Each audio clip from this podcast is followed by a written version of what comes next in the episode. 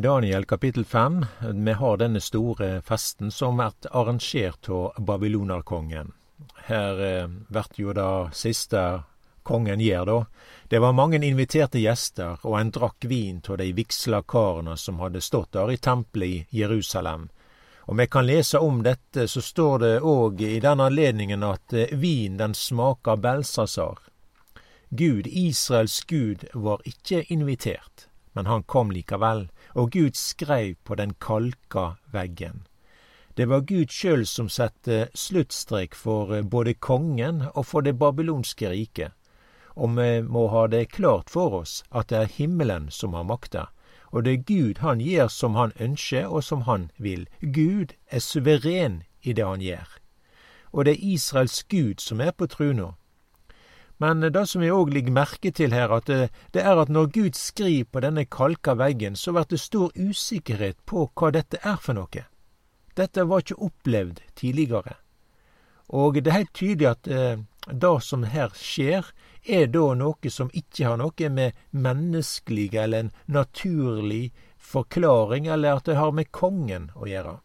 Vi kan lese her ifra Daniel kapittel 5 og vers 7 og kongen ropa med høg røys at de skulle hente åndemanerne, kaldeerne og tegntyderne.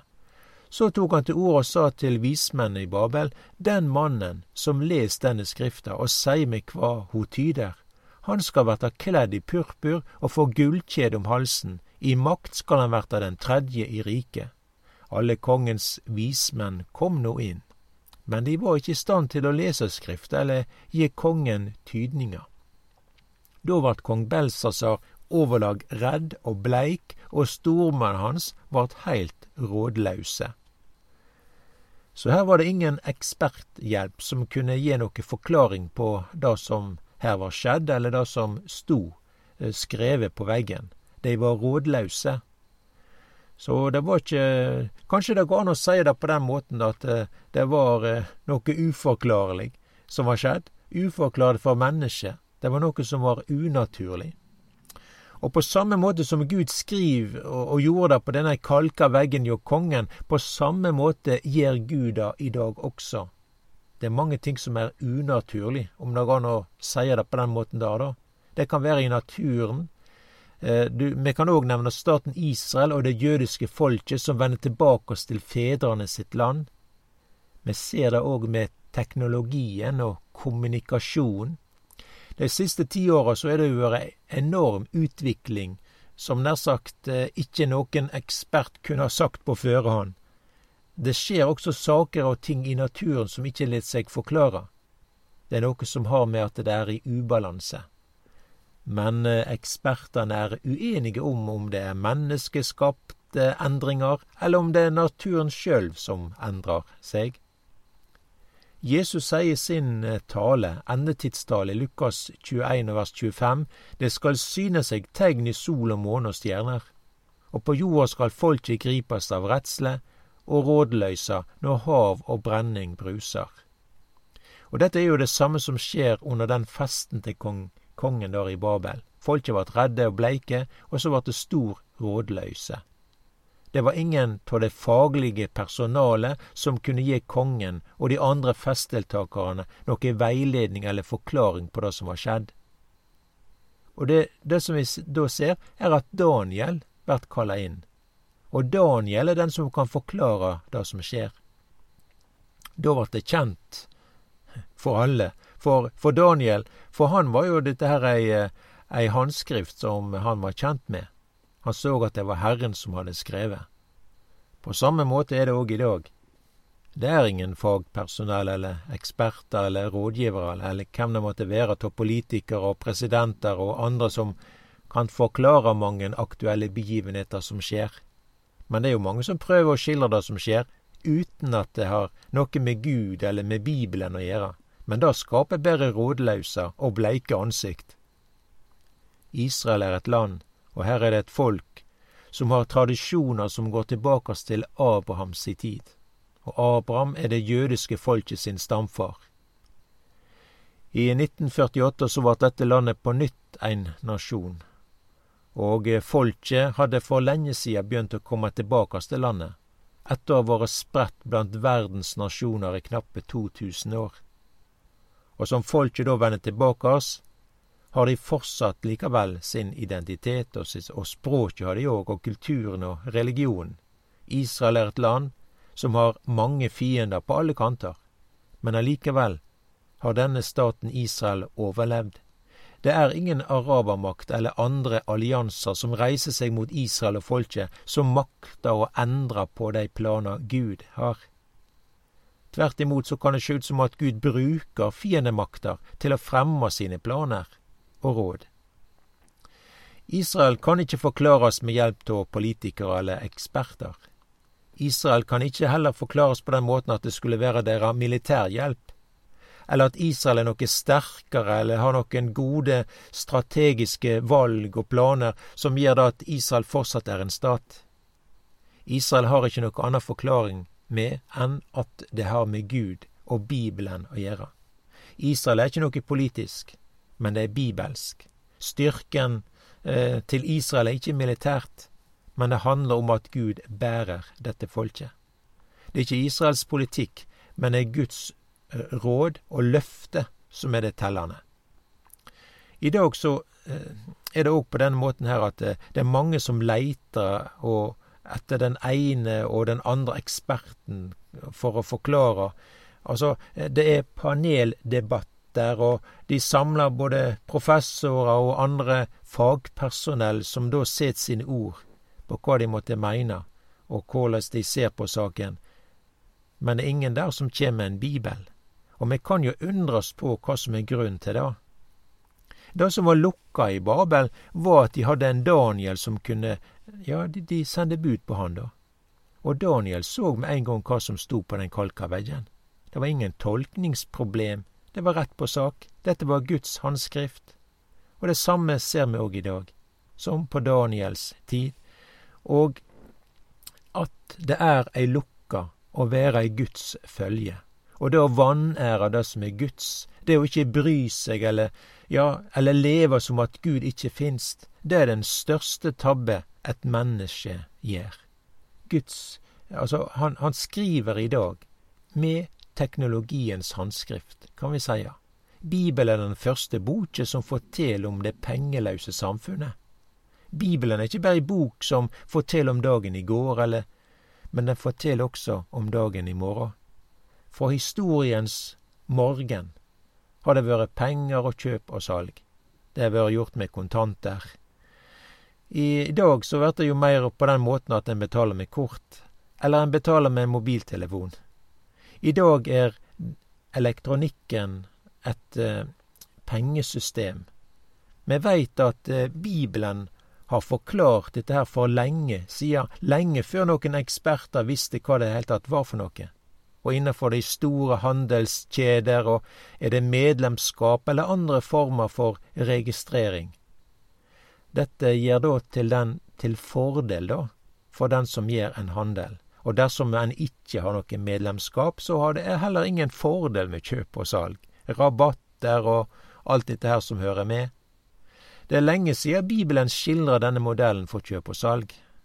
Vi kan lese det i Johannes' åpenbaring, Bibelens siste bok. Det syter for at alle små og store og rike og fattige og fri og treler får et merke i høyre handa si eller på panna, og at ingen kan kjøpe eller selge uten den som har merket og navnet på dyr eller tallet for dette navnet. Det er åpenbaringen 13 over 16 der, da. Og før i tida så var det jo sjekel og dinarer og pund, og det er dollar og det er krone og det er euro. Og så blir det forskjellige pengetyper og verdier. Mykje av dette her er jo en veldig sånn upraktisk måte, da, å håndtere alt dette her. Men vi ser at det har vært mykje mer praktisk ettersom tida går. En kan bruke kort eller mobiltelefoner. Ja, men òg dette kan jo òg være upraktisk. Det er jo veldig en hverdagslig sak at en gløymer telefon eller bankkortet sitt. Det kan være mykje mer praktisk med å bære elektronikken på seg sjøl, på kroppen. Og det å bære elektronikken på seg sjøl, da er jo noe som Bibelen forteller, og òg at det er veldig praktisk. Bibelen lanserer tanken og ideen. Saken er den at Bibelen har sagt dette der hele tida. Vi, vi, ser noe av disse tingene her i dag med våre øyne, og det er til bruk i vår hverdag. Bibelen forteller at det vil ikke bare være noe som er innenfor en handelskjede, men det vil bli noe politisk. Dette vært mye mer enn bare noe som er nasjonalt, men det vært et system som er globalt og knytta opp til en verdensleder. Bibelen omtaler han som en antikrist. Og vi nevner dette for hverandre på grunn av at vi ser i dag teknologien. Det er ikke bare penger som blir mer og mer elektroniske, men det gjelder òg meldinger og bilder og kommunikasjon og forsikring og journaler og tjenester og bestillinger av aviser og bøker. Hus og heim blir òg mer og mer elektroniske. Hage og plen blir det òg, og bil og buss. Teknologien vil bli å gjøre det enda mer praktisk. Men eh, det er òg ei sånn sak her at det, er òg kanskje de som ikke vil være med på det. Men da blir det veldig vanskelig da å få tak i eksempel en flybillett, om en da ikke har elektronikken i bruk. Det er òg sånn at denne elektronikken, den leser deg. Den leser hvor du går, hvor du reiser, hva du handler, Elektronikken les hva du liker, den les hva du les. Elektronikken ser hva du ser, den ser hva du betalte, og hvor tid du betalte, og hvor henne du gjorde det, og det du kjøpte. Og ut ifra det du kjøpte, så les elektronikken deg og veit hva du liker. Elektronikken den les hvor ofte du kjøper tannkrem, og veit hva type tannkrem en bruker. Elektronikken vil òg tenke for deg og den vil fortelle deg at nå må du snart kjøpe en ny tannkrem.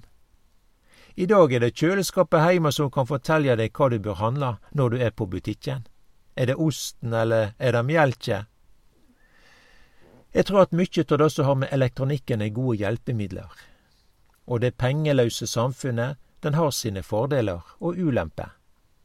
Men det er på denne måten òg Bibelen forteller at når disse ting da kjem i hendene på noen som misbruker elektronikken, det er da det blir farlig.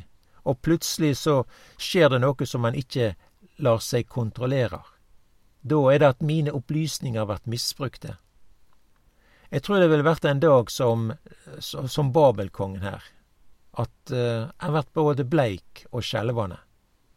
Det med elektronikken og et pengeløst samfunn er jo ikke noe nytt. Det har Bibelen tale om lenge. Men Bibelen har òg sagt at det kjem til å verta misbrukt. Det vil komme en person som vil ta all den informasjonen, og sier da at ingen kan kjøpe og selge uten en av dyrets merke. Og dette med dyrets merke er en omtale som Bibelen bruker. Og jeg tror at dyrets merke er en rett beskrivelse på dette systemet og bruken av det. Kjøp og salg blir en religion og Antikrist gir dette til en tilbedelse av seg sjølv. Og ingen kan kjøpe og selge uten dyrets merke. I dag så ser vi elektronikkens handskrift. Bibelen forteller òg at når Jesus kjem att til Oljeberget, så er det en begivenhet som alle kan sjå. En kan sjå det på Twitter eller Facebook, og ja, det er sikkert flere program òg som er tilgjengelig.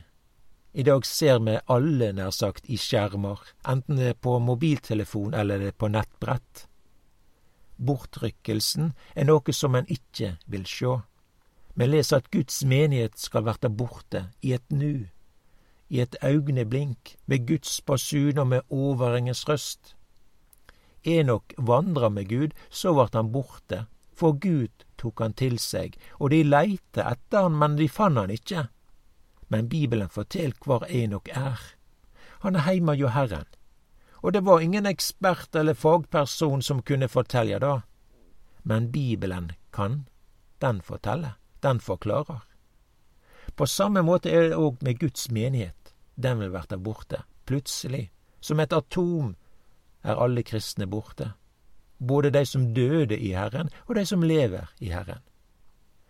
Og det har med Jesu komme i sky for å hente menigheten heim.